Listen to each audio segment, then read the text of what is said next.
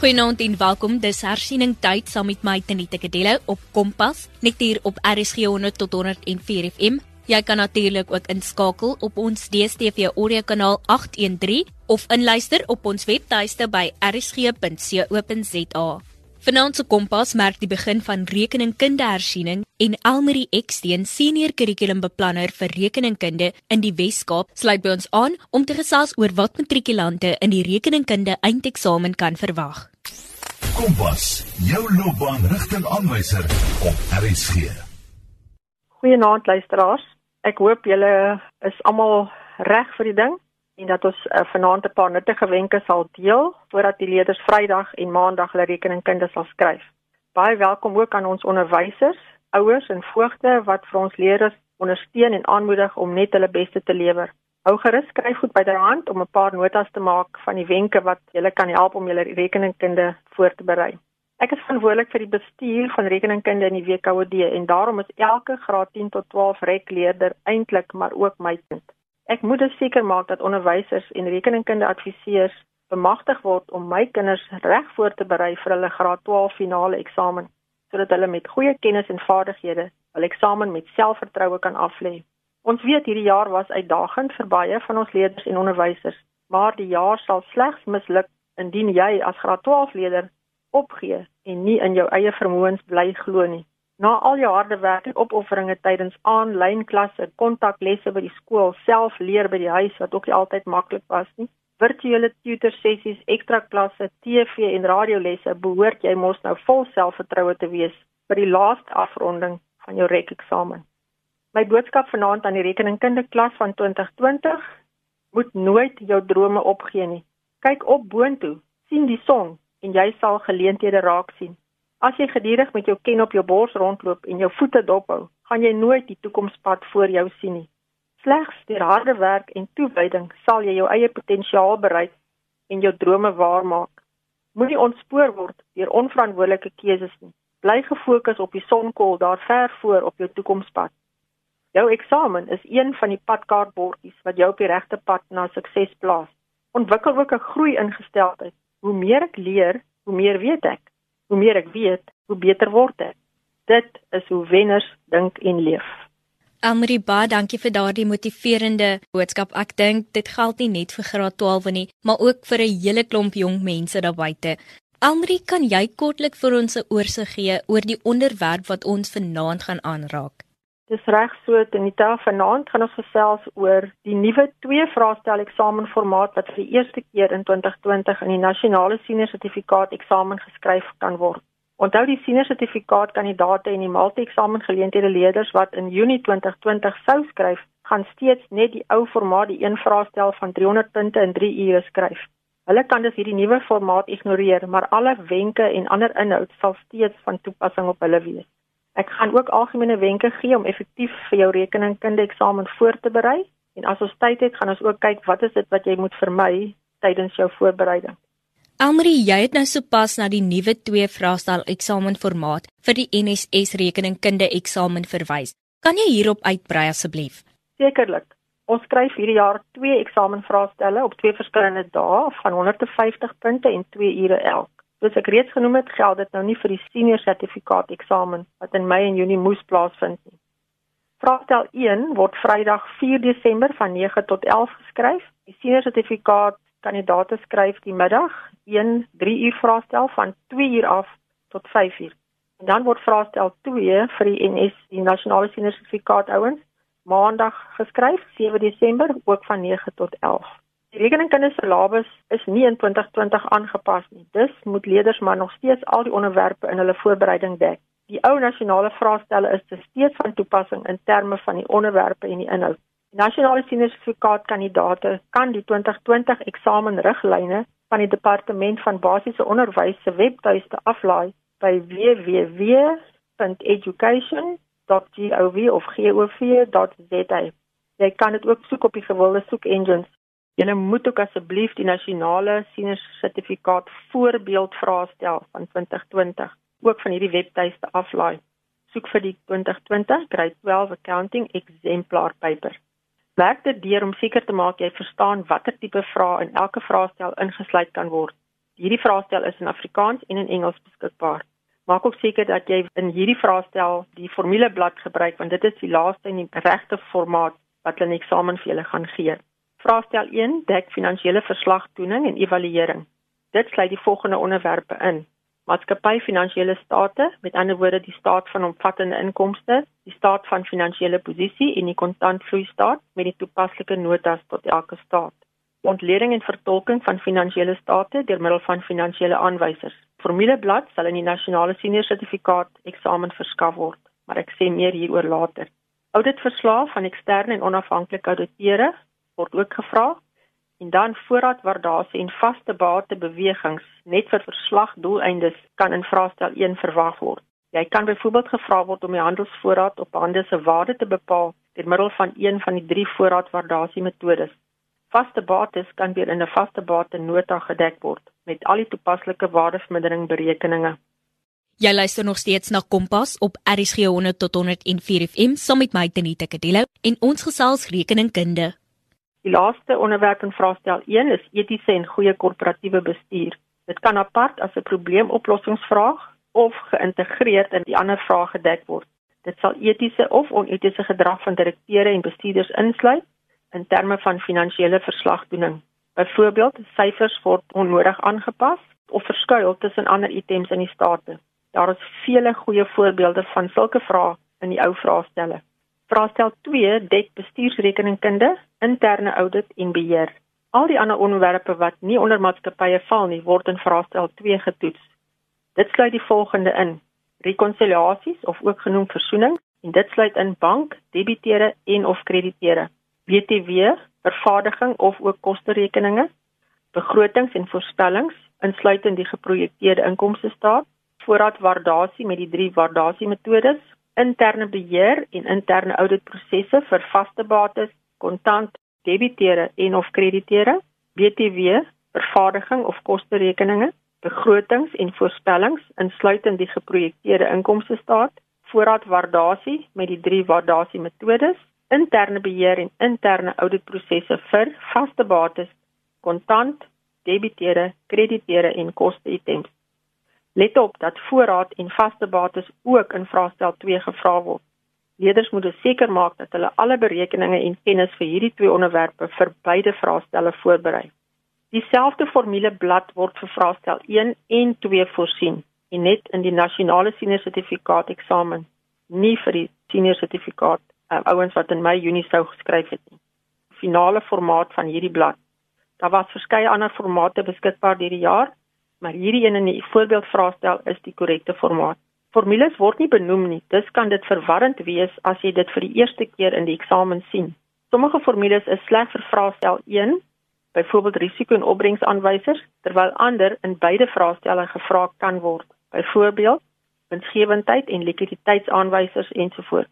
Maak dit seker dat jy die korrekte formaat van hierdie formuleblad goed leer ken terwyl jy studeer. Gebruik asseblief verskillende kleure penne en trek raampies om die soorte formules aan te dui of die groepe formules. Byvoorbeeld, blou kan jy gebruik vir winsgewendheid en rooi vir likwiditeit ensovoorts. Dit sal jou dan in die eksamen help om die formules vinniger raak te sien. Onthou net, die formuleblad moet nie jou skryftyd benadeel nie. Die fokus is steeds dat jy die aanwysers wat jy bereken het in jou ontledings moet kan toepas en sinvol in jou kommentaar aanhaal. So die belangrikste is nie altyd die formule nie, maar wel hoe jy die aanwyser toepas in jou antwoord. En dan Almarie, kan jy asseblief vir ons leerders 'n paar algemene wenke gee wat hulle sal help om doeltreffend vir die rekeningkunde eksamen voor te berei? Ek doen dit graag, Anita. Um, 'n paar algemene wenke is die volgende. Die enigste wenresep vir rekeningkunde bly nog altyd om tyd te belê en fisies te sit en deur ou vraestelle te werk, soveel as wat jy kan. Ek het in al my onderwysjare gesien dat leerders hulle punte met 15 tot 20% kan verbeter as hulle effektief en gefokus deur ou vraestelle werk om eksamen fiks te wees in die eksamenlokaal en hulle stresvlakke laag te hou. Kom ons kyk na 'n paar ander wenke. Gebruik alle moontlike bronne tot jou beskikking. Die WKOD het 'n hersieningspakket uitgegee in Januarie nog lank voor Covid wat uit ag ou vraestelle bestaan. Vrae is ingedeel volgens onderwerpe sodat jy kan fokus op daardie onderwerpe waarin jy nog selfvertroue benodig. Daar is ook baie ander bronne op die WKOD se e-portaal waar jy dit datavriendelik kan aflaai.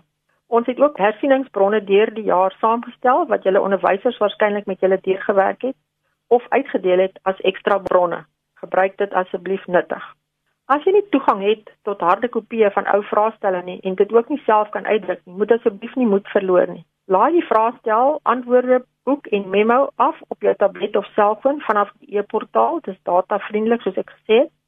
Skryf dan die antwoordboek oor in jou eie skryfboek of 'n gewone eksamenspapier, vraag vir vraag, soos jy dit wil uitwerk.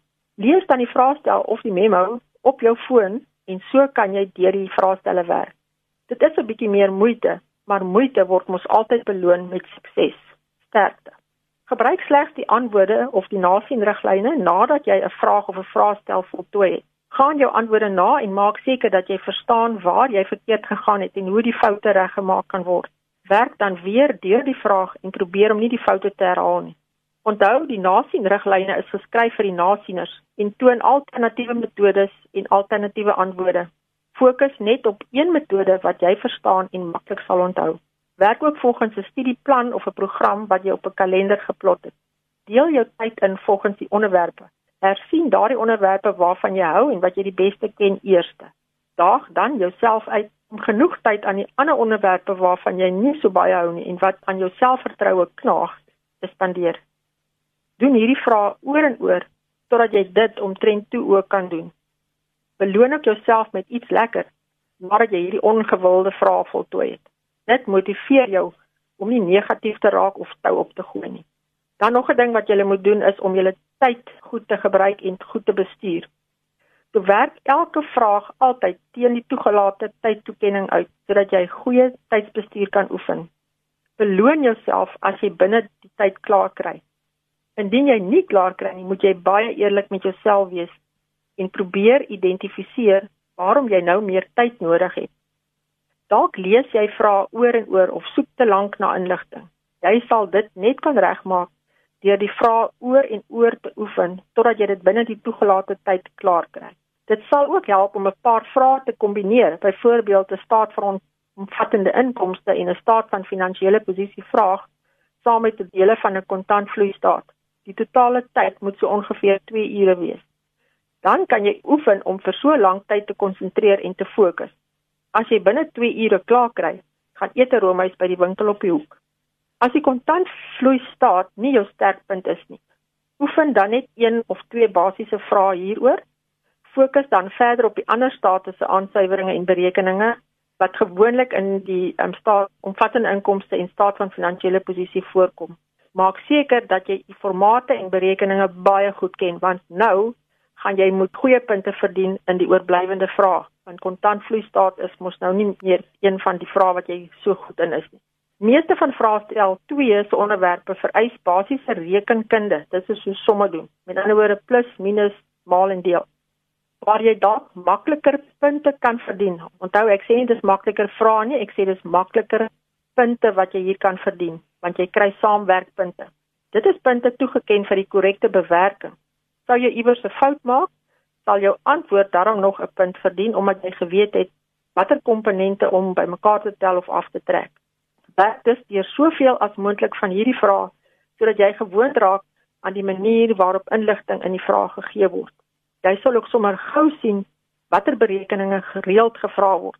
Gebruik ook jou logiese beredenering in jou berekeninge. Byvoorbeeld, as jy die slotvoorraad se waarde moet bereken, moet jy begin by die begin van die jaar. Dit wil sê begin voorraad plus aankope minus retoure en minus die koste van die items wat hierdie jaar verkoop is. En dit sal jou die slotvoorraad gee. Sjoe, Almarie, twee vraestelle hierdie jaar en ons is maar nou eers in die helfte van die program. As jy kommentaar moet lewer of jou opinie moet gee, behoort jy soos 'n bestuurder te dink. Moenie probeer om boeke kennis of klasnotas of ou memos se antwoorde uit jou kop uit te leer nie.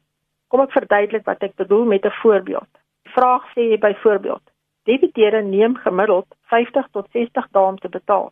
Gee voorstelle om hierdie situasie te verbeter. Hierdie vraag vra dus vir strenger optrede teenoor debiteure om seker te maak dat hulle binne die 30 dae kredietperiode betaal.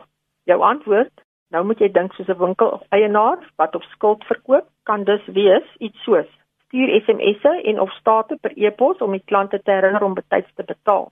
Stel kredietlimite of kredietperke volgens die klante se inkomste vlakke vir elke kliënt ensovoorts. Sorg dat jy so ongeveer 3 beheermaatreëls ken wat jy maklik sal kan onthou. Jy moet ook interne beheermaatreëls kan gee vir die bestuur van voorraad, vaste bates, krediteure en sommige groterige uitgawes soos salarisse, lone en advertensies. Laastens, gebruik altyd dieselfde sakrekenaar terwyl jy studeer en vir die eksamen. Jy moet hierdie sakrekenaar net so vinnig soos jou selfoon kan gebruik. Oefen ook sakrekenaar tegnieke wat vir jou tyd kan spaar in die eksamen. Elmarie, ons het nou gesels oor wenke wat leerders sal help met doeltreffende voorbereiding vir rekeningkunde. Maar ek dink dit is ook belangrik om te kyk na wat leerders moet vermy as hulle voorberei vir rekeningkunde eksamen. OK, dankie. Ek gaan dit probeer verduidelik. Um, soos ek nou net gesê het, jy uh, moet jou eie sakrekenaar gebruik wat jy dieselfde een wat jy in eksamen gaan gebruik. So jou selfoon kan jy nie as 'n sakrekenaar gebruik nie. Jou foon is dan in jou omgewing en dit sal net jou aandag aftrek. Jy kan dit buitendien nie in die eksamenlokaal gebruik nie. So sit jou selfoon af en berg dit op 'n plek waar jy dit glad nie eers kan sien of hoor nie. Jy behoort ook so gereeld elke 5 of 10 minute 'n wegbreek vir jouself te gee vir elke uur wat jy werk. Moet egter nie jou breektydjies in die middel van 'n vraag of 'n vraestel neem nie. Dit versteur jou ritme en jy sal weer die vraag van voor af moet begin as jy terugkom. So word kosbare leertyd dan eintlik vermors. Wees jaloers op jou studietyd en gebruik dit uiters doeltreffend. Moenie net op daardie onderwerpe fokus waarvan jy hou nie. Ek het net nou gesê jy moet al die onderwerpe oefen om vir jouself die beste kans te gee in die vraestel daag dit jouself uit om ook die ongewilde vrae waarvan jy nie hou nie te oefen. Jy kan ook notas maak van dit waarmee jy sukkel, sodat jy later 'n vriend of 'n onderwyser se hulp kan vra. Dit spaar tyd as jy weet presies waarmee jy hulp nodig het. Oefen dan weer die moeilike vraag nadat jy hulp gekry het en pas dan nou jou nuwe kennis toe. So bou jy jou selfvertroue en onthou, oefening maak fiks of soos die Engelsman sê, practice makes perfect. Moenie probleemoplossings vra vir my net omdat jy nie daarvan hou nie. Hierdie tipe vrae het oop antwoorde wat beteken dat nasieners jou antwoord moet oorweeg al is dit nie in die nasienriglyne nie. Jou antwoord moet net op die vraag se inligting van toepassing wees. Leerders wat daarvan hou om uit die kassie te dink, doen gewoonlik baie goed in hierdie vrae. Jy leer nie vir sulke vrae nie, maar jy pas die vraag inligting wat gegee is toe om die gestelde probleme aan te spreek of om jou eie kreatiewe mening of oplossing voor te stel. Dit is meestal baie lekker vrae want jy kan jou eie kreatiewe denke hier toepas. Wanneer jy kommentaar moet lewer of jou opinie moet gee, maak seker dat jou antwoord wel die vraag beantwoord. Moenie probeer om gememoriseerde klasnotas in sulke antwoorde in te pas nie. Byvoorbeeld, jy het die redes geleer waarom aandeelhouers tevrede kan wees met hulle dividende. Jou kommentaar sal nou nie pas as jy gevra word waarom aandeelhouers nie tevrede is met hulle dividende nie. So wees asseblief versigtig daarvoor. Moenie formules en berekeninge soos 'n papegaai leer nie. Probeer eerder verstaan hoe die aanwyser wat bereken is toegepas moet word of wat dit eintlik beteken. Byvoorbeeld as jy die persentasie netto wins op verkope bereken het, die formule is al klaar vir jou in die aanwyser se benaming gegee. Dit dui dan aan watter deel van verkope eintlik wins is kom ons sê die antwoord is 15%, dan beteken dit dat 85% van die verkoopsinkomste aan bedryfsuitgawes spandeer word. Bestuur kan dan hulle wins of inkomste verhoog deur hulle uitgawes beter te beheer en nie noodwendig meer te verkoop nie. Dis ook nie nodig om lang gedetailleerde notas of opsommings in rekeningkunde te maak nie. Dit is in besigheidstudies en ekonomie dalk van toepassing, maar nie hier nie werk eerder deur soveel as moontlik ou vraestelle. Dit bly maar die wenresep. Baie dankie Almarie dat jy vanaand saam gekuier het om 'n paar algemene wenke te deel van wat leerders kan doen om te verseker dat hulle goeie punte in die rekeningkunde eksamen kry. Dankie aan ons luisteraars dat julle ingeskakel het. Onthou, indien jy enige navrae of terugvoer van vanaand se program het, kan jy SMS stuur na 45889 teen R1.50 per SMS of 'n e-pos na kedeloutz@slbc.co.za. Jy kan ook die WKOD se webtuiste by wced.eportal.co.za besoek waar daar talle studiehulpbronne en materiaal beskikbaar is. Kompas word aan jou gebring in samewerking met SABC Opvoedkunde en Percy Mogale was ons regisseur vir vanaand. Ek en jy kernklets weer môre aand. Tot dan van my Tenita Kadello. Totsiens.